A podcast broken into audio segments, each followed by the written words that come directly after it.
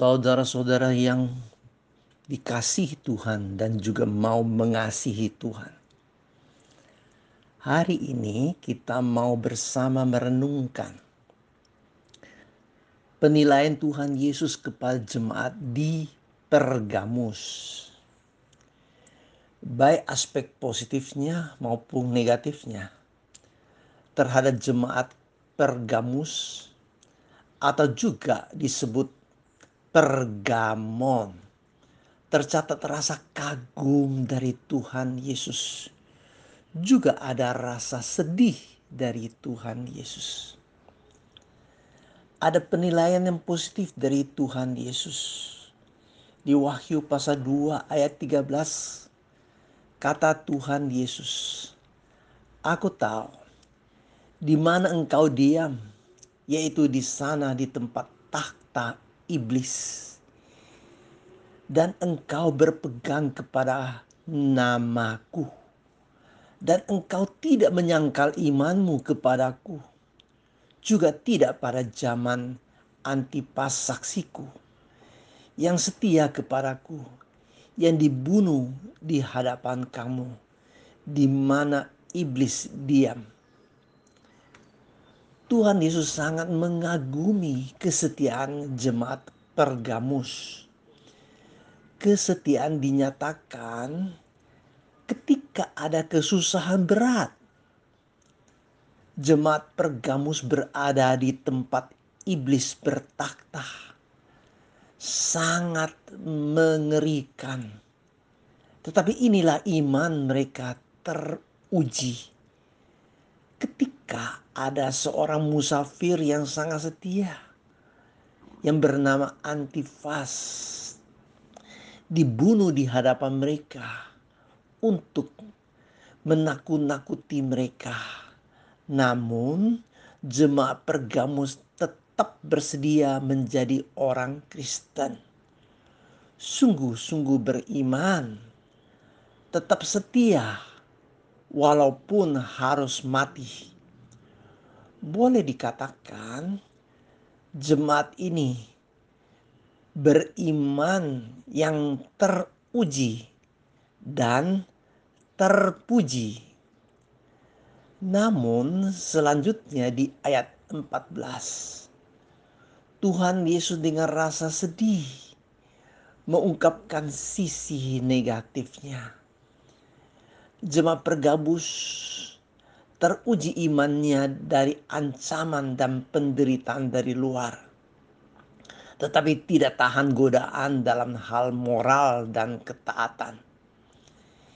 Iman yang kuat tetapi tidak murni. Karena dicampuri ajaran Bileam dan ajaran Nikolaus.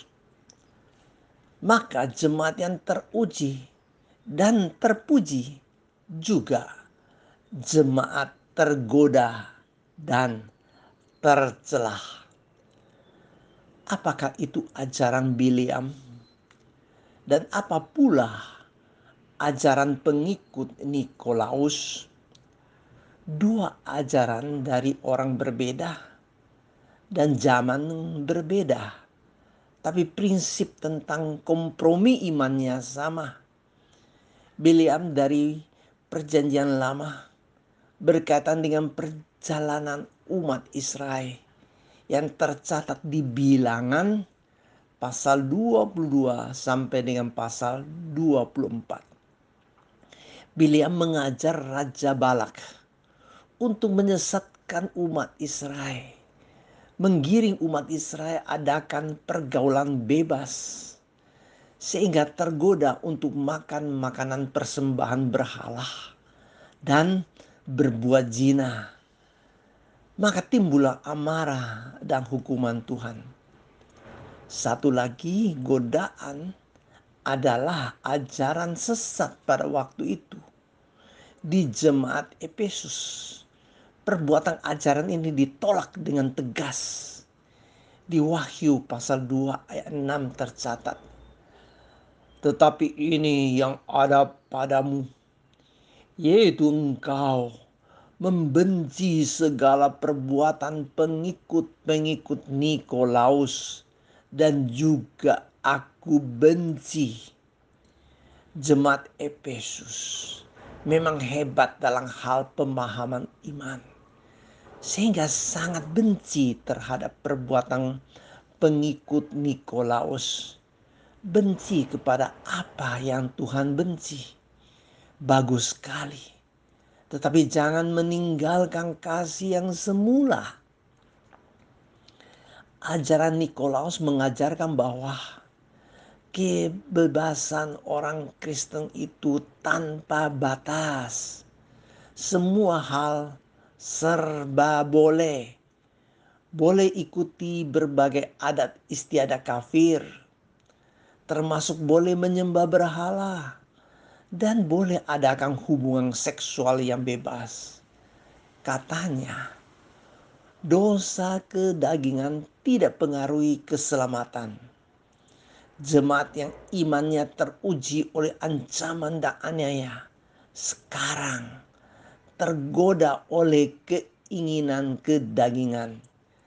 Jemaat perkabus teruji dan dipuji juga tergoda dan dicela. Seharusnya penderitaan dapat memurnikan dan menguatkan iman. Buktinya, jemaat Smyrna menjadi jemaat tanpa celah. Tiada penilaian negatif dari Tuhan Yesus dan juga tiada seruan bertobatlah dari Tuhan Yesus.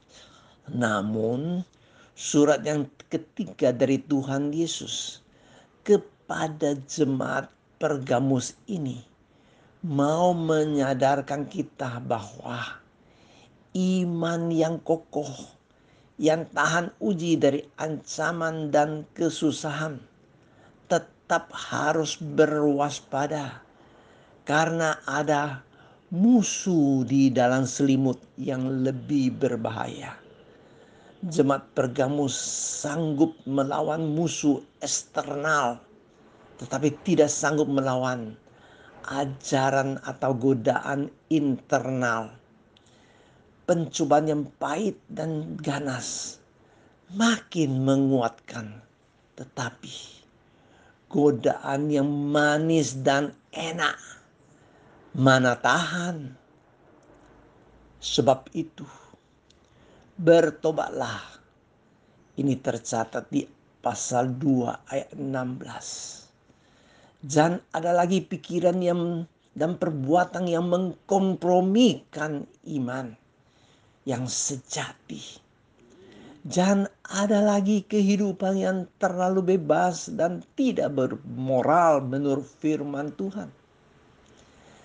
Jangan lagi ikuti pemahaman liberal yang serba oke, tetapi melanggar tuntutan kekudusan dari Tuhan. Dengarlah seruang bertobat yang lembut dan penuh kasih sayang dari Tuhan. Kalau tidak, akan hadapi ketajaman pedang dari mulut Tuhan. Siapa bertelinga, hendaklah ia mendengar. Ini tercatat di pasal 2 ayat 17. Janganlah mendengar godaan yang manis tetapi beracun dari si iblis. Kita harus ada telinga yang mau mendengar yaitu ada hati yang mau menyambut kebenaran firman Tuhan. Dengarlah Tuhan memuji kita pun belajar beriman teruji dan terpuji. Dengarlah, Tuhan menegur. Marilah kita juga dengan rendah hati mau bertobat. Ingat, firman Tuhan yang tajam dan bermata dua. Amin.